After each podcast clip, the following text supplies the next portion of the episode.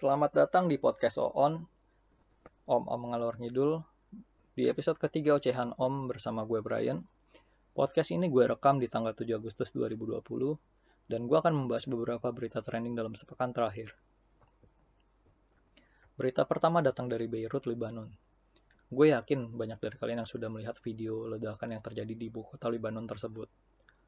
Karena beritanya begitu masif, tersebar di di Instagram, YouTube, ataupun Twitter.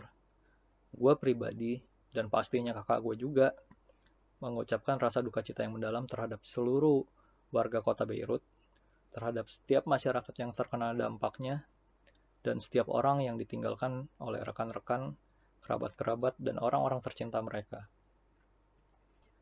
Pasti susah ya ngebayangin, apalagi ngerasain gitu, bahwa di tengah pandemi COVID ini mereka masih harus menghadapi bencana besar lainnya. Padahal efek pandemi aja udah parah gitu. Di mana banyak kehancuran terutama di sektor ekonomi gitu ya. Banyak perusahaan bangkrut, bahkan banyak negara yang mengumumkan mereka sudah krisis. Nah, apalagi Libanon gitu. Udah ngalamin COVID, eh terkena juga sama bencana yang seharusnya nggak terjadi gitu. Karena begitu tiba-tiba, tapi efeknya begitu mendunia.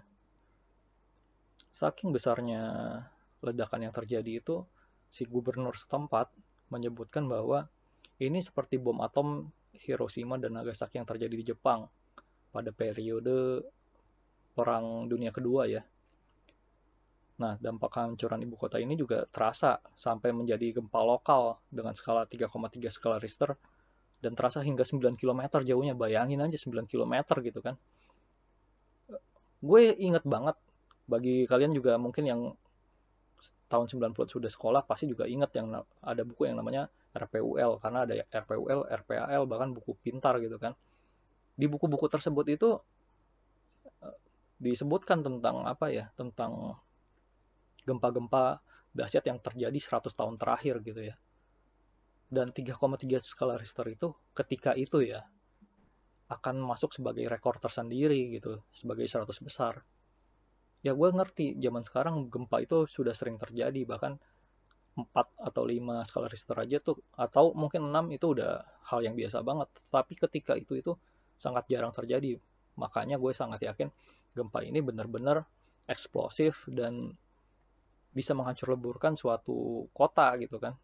Karena selain gempa kan ledakan juga terjadi gitu kan.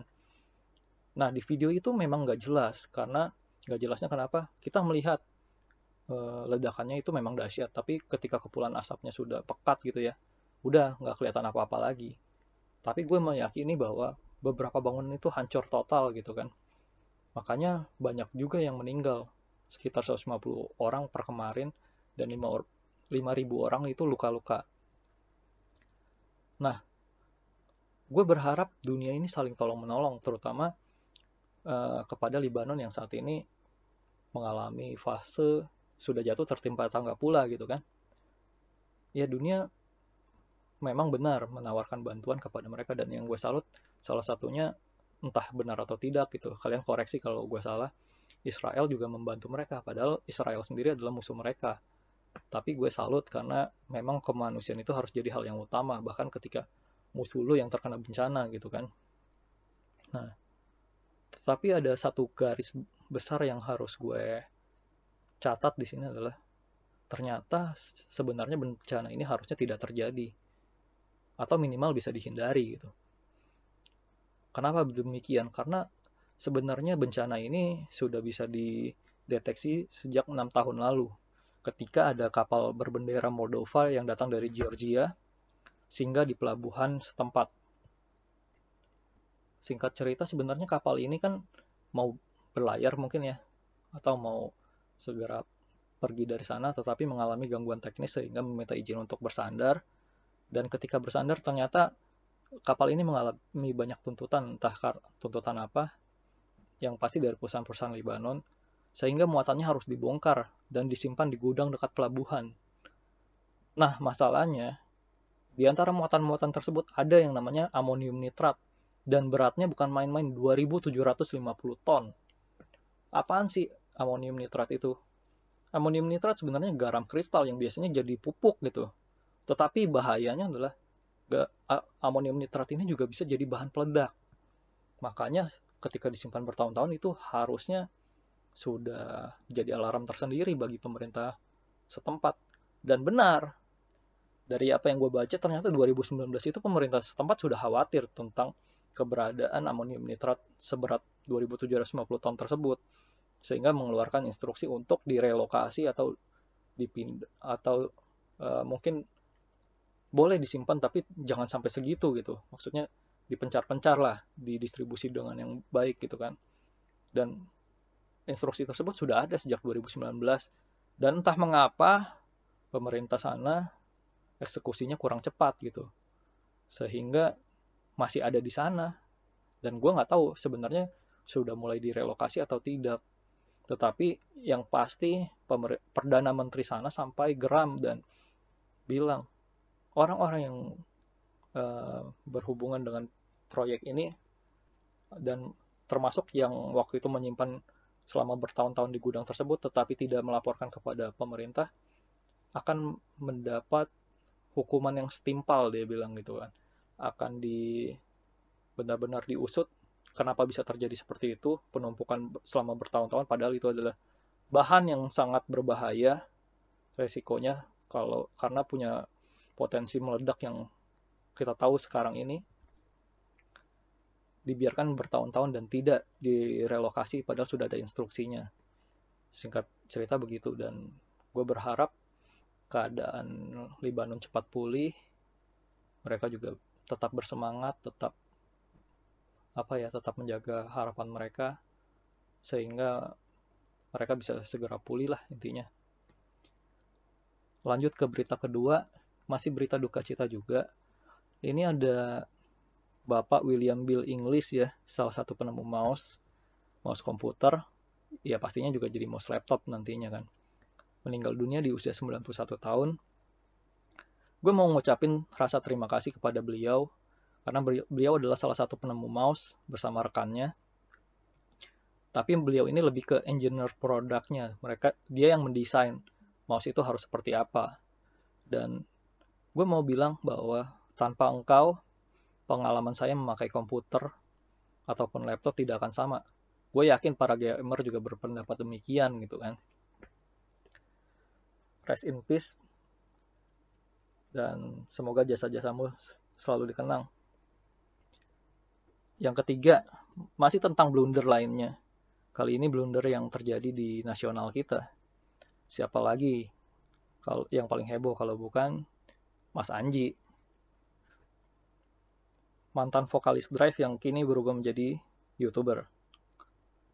Ya, Mas Anji ini dalam beberapa bulan terakhir melakukan dua blunder fatal. Yang pertama, dia bilang olahraga itu jangan pakai masker ya memang benar kalau lagi kondisinya bukan covid gue setuju karena banyak yang bisa mengalami gangguan pernapasan nggak nggak semua orang kan sehat ketika berolahraga kan banyak orang juga yang sebenarnya punya gangguan pernapasan terus olahraga supaya sehat eh malah makin berbahaya karena pakai masker tetapi alangkah tidak bijaksananya Mas Anji ya bahwa di situasi COVID-19 ini dia secara persuasif ngajak orang olahraga tanpa masker gitu kan. Ya mungkin dari satu sisi dia bagus gitu ya, menyebabkan orang yang gangguan pernapasan berolahraga tidak mengalami uh, keadaan kondisi kesehatan yang lebih buruk. Tetapi kenapa gue katakan tidak bijaksana? Ya situasinya lagi covid begini, lu ngajak orang supaya nggak pakai masker gitu kan. Lu sadar kan pasti potensinya penyebaran penyakitnya bakal lebih mudah terjadi gitu. Dan ini sudah beliau klarifikasi dan beliau sudah meminta maaf. Oke, sebagai manusia ya bagusnya kita memaafkan memang. Tetapi lagi-lagi nih, lagi-lagi nih, Mas Anji malah bikin konten yang lebih berbahaya lagi gitu, lebih jadi viral. Bahkan sampai videonya di take down oleh YouTube. Gue sendiri sebenarnya dan sejujurnya belum sempat menonton video ini, tetapi karena ini begitu viral, gue gue cari tahu. Ternyata Mas Anji memberi panggung kepada orang yang namanya Hadi Pranoto ya, yang mengaku sebagai profesor, pakar mikrobiologi, kepala tim riset antibodi COVID-19, entah dari mana, untuk dinaikkan ke panggungnya. Beliau ini bilang, si Mas Hadi Pranoto ini, dengan segala titel yang dia bilang itu, dia bilang, dia sudah menyembuhkan, menemukan obat yang dapat menyembuhkan dan menghindari kita dari COVID-19 bagus gitu. Newsnya itu bagus kalau memang benar terjadi gitu gue yakin dia akan viral seluruh dunia gitu kan karena seluruh dunia saat ini juga mencari hal yang sama. Tetapi nggak tahu gimana ya Mas Anji tanpa penyelidikan lebih lanjut main diajak aja collab. Padahal dia udah klaim kan 2 sampai 3 hari minum obat dia bisa sembuh. Wah gila keren banget kalau benar terjadi dan dia layak untuk apresiasi itu. Kalau benar tanda kutip ya kalau benar tetapi gue nggak tahu apa yang Mas Anji pikirkan. Dia langsung jadikan ini konten dia. Ya pasti eksplosif dan meledak gitu kan. Banyak orang subscribe like dan lain-lain. Tetapi ternyata tanpa usut eh, di, setelah diusut eh, Ikatan Dokter Indonesia mempertanyakan tentang eh, titel-titel dia tadi. Terus sampai Mas Anji tulis ya, di, di judulnya kan ada tulisan prof gitu kan profnya dihapus. Lalu di wawancara dia bilang ya gimana? Dikasih prof salah di nggak dikasih prof salah. Lah bukan masalah itu mas. Masalahnya lu duluan memberi panggung kepada orang yang nggak jelas tanpa klarifikasi apa pun tanpa konfirmasi apa pun membuat sebegit uh, berita yang begitu viral gitu ya yang yang sebenarnya adalah harapan banyak orang gitu. Tanpa lu ketahui benar atau tidaknya gitu kan. Lalu lu dengan enak dan gobloknya ya lu ngomong gitu kan. Lah salah gue apa? Dikasih prof salah dikasih nggak prof salah. Yang memberi panggung bukan hanya saya tetapi kalian semua. Lah kok lu goblok banget ya? Maksud gue gini ya. Kalau lu nggak uh, nggak ngajak dia collab untuk ada di YouTube lu lu nggak memberi panggung orang-orang follower lu atau orang-orang lainnya yang bahkan bukan follower lu tetapi pengguna YouTube nggak bakal ngerti Hadi Pranoto itu siapa. Lu yang menyebabkan dia viral duluan. Dan ketika orang sudah menyalahkan lu betapa egoisnya lu untuk melemparkan itu ke tanggung jawab itu kepada orang lain juga gitu kan. Benar orang lain menonton itu. Tetapi kan yang membuat pemicunya kan lu. Alangkah tidak kesatrianya apa yang lo lakukan itu kalau menurut gue ya mas. Dan sebagai konten kreator yang sebenarnya video-video lainnya juga banyak yang bagus ya pantas lah Indonesia merasa kecewa punya youtuber seperti ini gitu kan. Oke gue mungkin nggak ngejat lu lebih banyak dan nggak ngejat lu lebih jauh karena gue berharap uh, mis misinformation seperti ini ya misguided information seperti ini nggak terjadi lagi.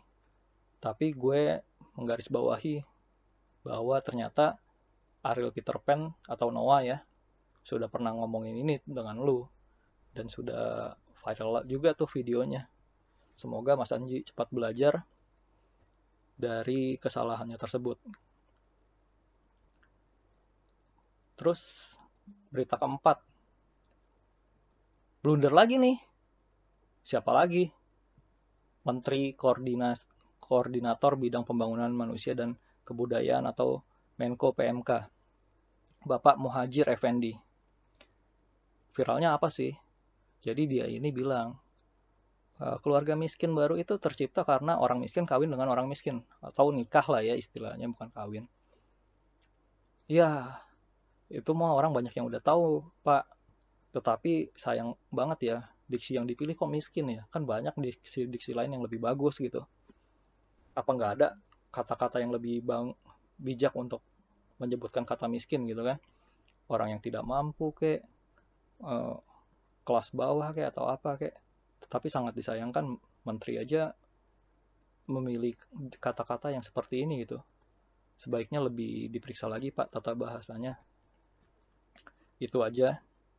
Selain itu ya kali ini kabar cukup menghibur dan menggembirakan bagi masyarakat karena Pak Jokowi dan Pak Erick Thohir punya inisiasi untuk memberikan bantuan dana kepada golongan bawah ya, terutama bagi mereka yang gaji gaji atau pendapatannya di bawah 5 juta. Itu katanya bisa dapat tunjangan sebesar 600 ribu dalam 4 bulan ke depan, mulai dari September nanti ya. Asal mereka selama ini adalah pengikut eh, BPJS. Dan katanya juga pemerintah juga menyiapkan 300 ribu kepada 8,3 juta keluarga. Semoga ini benar dan semoga tidak disalahgunakan karena uh, saya berharap gue berharap ini tepat sasaran karena pemerintah bertujuan membagikan ini untuk mengurangi potensi resesi yang akan terjadi di kuartal ketiga nanti karena kuartal pertama itu GDP Indonesia sudah jatuh ya minus 5,32 persen dan kuartal ketiga katanya juga pasti minus sehingga akan terjadi resesi. Nah, lewat langkah pemerintah ini diharapkan Indonesia tetap konsumtif, lebih konsumtif lagi sehingga dampaknya tidak signifikan terhadap ekonomi Indonesia. Itu yang terjadi pada tahun 2008 dan 2013 sih sebenarnya. Indonesia adalah salah satu negara yang nggak terkena dampak major, bahkan mungkin tidak terkena krisis ekonomi 2008 dan 2013. Berita lainnya juga datang dari Filipina, yaitu Presiden Rodrigo Duterte. Dalam headline Detik dan Kompas yang clickbait itu, disebutkan uh, si Presiden Rodrigo Duterte ini serasa jadi Kim Jong Un. Katanya dia pengen mau dia pengen bunuh semua orang yang terkena COVID di negaranya.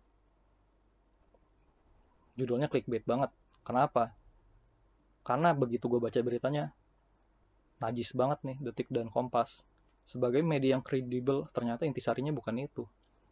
Intinya Duterte ini ngomong,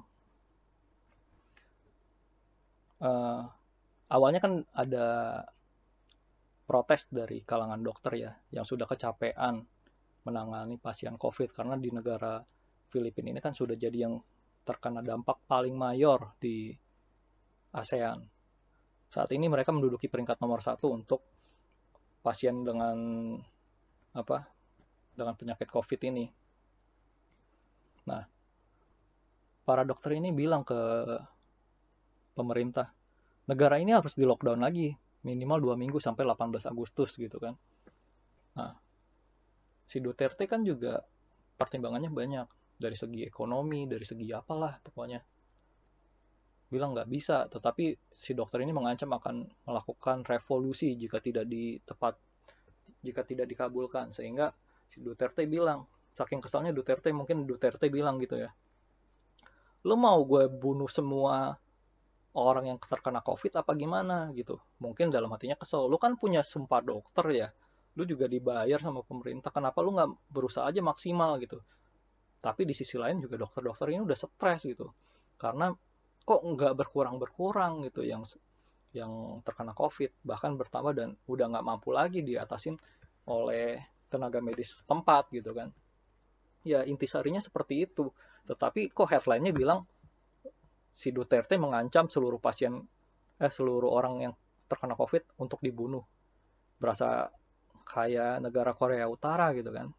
Intisarinya adalah gue mau memberikan kritik kepada Detik dan Kompas untuk headline lu itu karena uh, secara jurnalisme itu harusnya nggak kayak gini lah. Lu clickbaitnya udah menyalahi intisari beritanya. Itu aja. Terus bahasan menarik lainnya adalah tentang uh, pendidikan dan pendidikan seks pastinya. Pendidikan ini kan karena saat ini sekolah sudah banyak yang masuk lagi ya. Tetapi sayangnya ini hanya bersifat online. Gue nggak ngerti kenapa pemerintah bisa uh, memberikan kurikulum apa ya masa kurikulum berbasis online gitu kan tapi kenyataan gitu gue aja sampai e, bingung gimana keluarga yang nggak mampu mau yang nggak mampu gitu ya nggak punya akses internet terus nggak punya device seperti tablet, laptop ataupun HP untuk mengikuti pembelajaran ini gitu.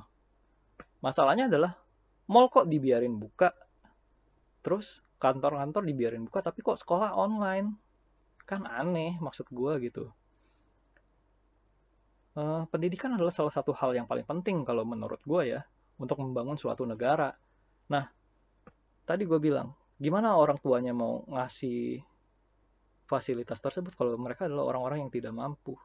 Kalau kita masih ngelihat lah orang-orang tua yang nggak punya handphone gitu, apalagi buat anak-anaknya, apalagi kalau anak-anaknya banyak, lima misalnya gitu kan, atau tiga, masa dia harus nyediain tiga HP?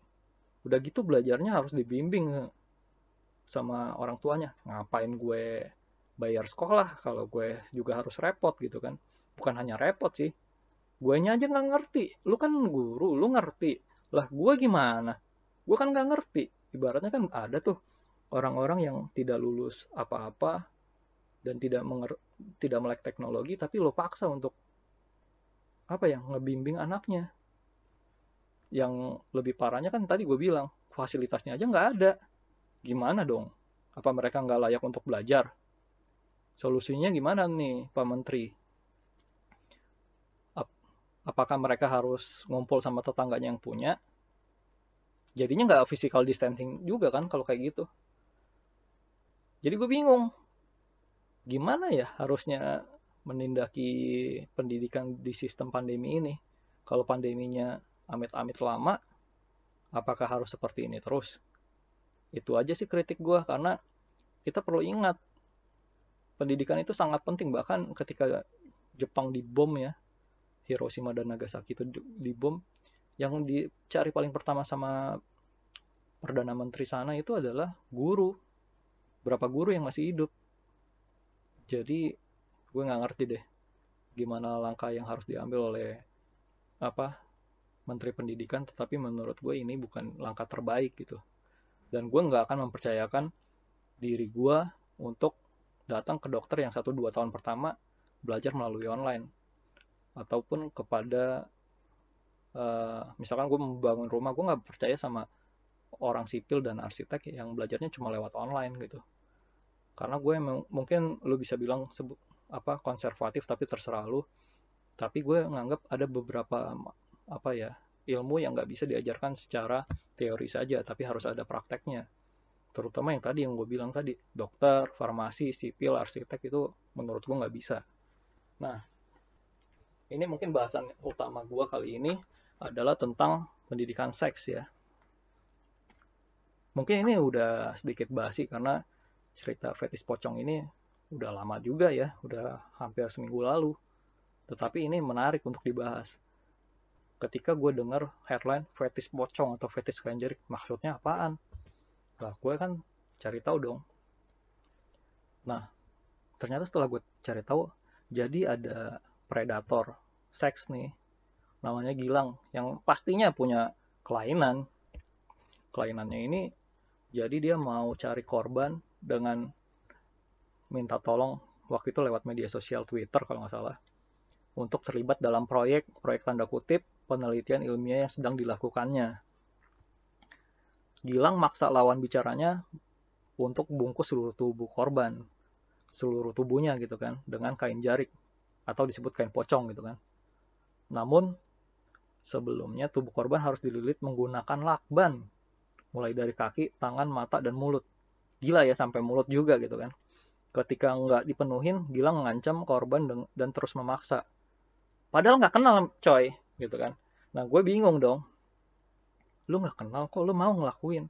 Apalagi udah aneh gitu kan. Dan semakin parahnya adalah gue nggak ngerti ceritanya karena nggak begitu jelas si pelaku ini terangsang dengan kejadian tersebut gitu dan dengan keadaan tersebut dan ketika dia ngelihat ada saudara korban yang lewat gitu ya dia bilang itu siapa? Ganteng banget gitu kan. Suruh dia juga dong lah makin aneh aja. Korban itu udah curiga loh kok dia ngomongnya begitu? Tetapi gobloknya dia juga minta ke saudaranya untuk melakukan hal yang sama. Entah terlalu baik entah memang goblok gitu kan.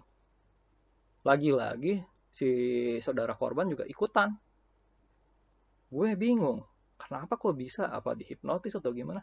Tapi ini menandakan pendidikan seks kita itu sangat kurang gitu kan. Nah pertama lu nggak kenal siapa dia. Kedua mau lu dipaksa atau apa lu kan belum ketemu dia gitu kan.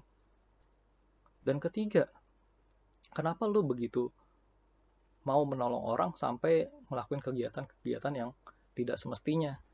Ini juga yang gue baca selanjutnya di hari berikutnya ya. Ada seorang bukan seorang sepasang suami istri gitu kan melaporkan dukun cabul karena yang nggak terbukti pengobatannya. Ya namanya pengobatan tradisional kan aneh-aneh ya tapi sayangnya dan mirisnya adalah sepasang suami istri ini mungkin kan istrinya sakit apa entahlah uh, ketemu suatu pengobatan tradisional yang dinamakan dukun lah. Nah, si dukun ini janjian sama mereka di suatu tempat. Tahu nggak tempatnya di mana? Hotel. Dan parahnya adalah suaminya nganterin ke hotel tersebut. Singkat cerita, si dokter, eh si dokter, si dukun ini bilang harus diterapi di kamar gitu kan. Udah gitu, suaminya di, nunggu di luar. Ya lo bisa nebak lah apa yang terjadi kan? Cewek ini ya dipegang-pegang payudaranya bahkan e, vaginanya dimasukin telur. Kan nggak nyambung ya apa yang sakit lu sampai dimasukin telur ke vagina dan dipegang payudaranya gitu kan? Udah nggak logis gitu kan? Dan parahnya sampai dipakai gitu kan? Ya suaminya kan nggak tahu dia lagi di luar tapi kan secara tidak langsung juga eh, suaminya juga goblok. Kenapa lu bisa sampai percaya sampai apa eh, istri lu ada di ruangan berdua di suatu kamar gitu kan dengan ya apa ya kemungkinan adanya dukun cabul ini.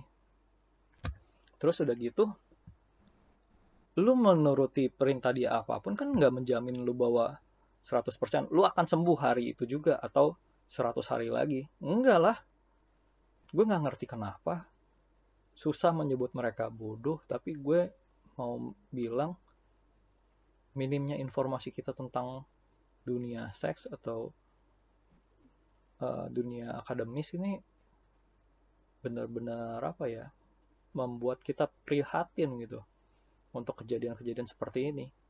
Yang pertama yang gue harus garis bawahi adalah ini mengingatkan gue kejadian di tahun 2010 di mana ada seorang alumnus mahasiswa kampus terkenal, kampus swasta terkenal di Indonesia ya yang juga jadi korban.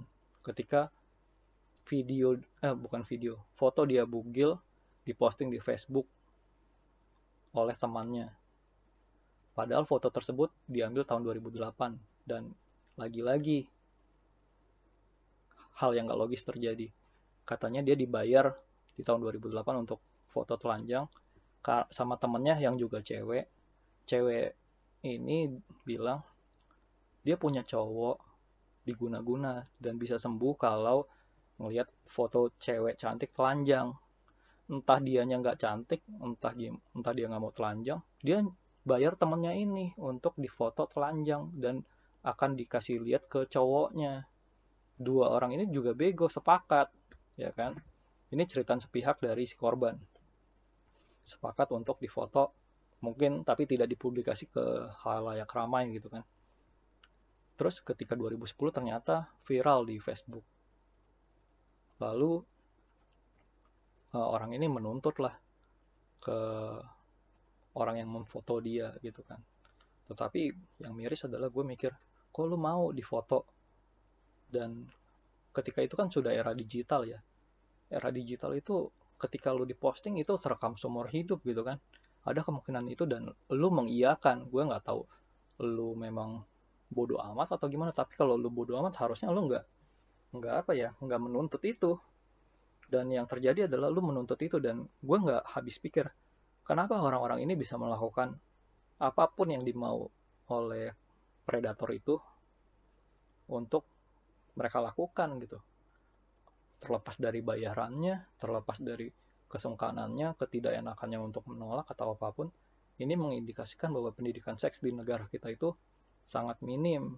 Bahkan kadang-kadang korban tidak tahu mereka sudah menjadi korban dan kadang-kadang uh, mereka juga tidak berani untuk mengucapkan tidak atau tidak berani untuk menolak atau tidak berani untuk apa ya mengviralkan ini gitu karena mereka malu nah kalau kalian semua seperti itu besok-besok si predator ini akan semakin lebih leluasa dan semakin enak untuk ngincar ngincar korban berikutnya. Nah, gua sebagai orang tua ya, yang juga baru menjadi orang tua, gue juga masih belajar, tapi gue ingin mengenalkan pendidikan seks ini ke anak gue karena anak gue adalah anak perempuan. Ya mungkin kalian berpikir anak lu kan eh, masih terlalu dini untuk diajarin seks. Setidaknya itu akan lebih baik daripada lu tidak mengajarkan sama sekali karena begitu yang mengajarkan adalah predator seks itu akan jadi berbahaya dan dia bisa jadi korban gitu nah ini juga gue lihat di video uh, salah satu video tahun lalu di mana ada seorang balita melakukan blowjob kepada orang dewasa ya miris sih karena orang tuanya kan lagi duduk gitu ya ceritanya. Tiba-tiba disuruh buka celana sama anaknya. Dia bingung dong kok gitu? Iya adek udah biasa kok kayak gini sama si supir gitu kan. Maksudnya iya bapak buka celana aja nanti uh, aku BJ gitu lah terus bingung dong eh bener pas dilihat dari video handphone uh, pas mungkin su, apa uh, si supir tidur dilihat apa handphonenya bener ada video tersebut. Dan mirisnya itu juga tersebar. Memang jadi pembelajaran bagi beberapa orang tapi kasihan juga sih. Karena video itu uh, uncensored banget sehingga kelihatan jelas muka semuanya dan kasihan bagi keluarga korban sehingga gue berharap video ini tidak disebar luaskan cukup yang udah tahu ya udah tahu aja nggak usah disebarin lagi kasihan gitu buat korbannya. Nah yang gue mau garis bawahi tadi yang gue bilang.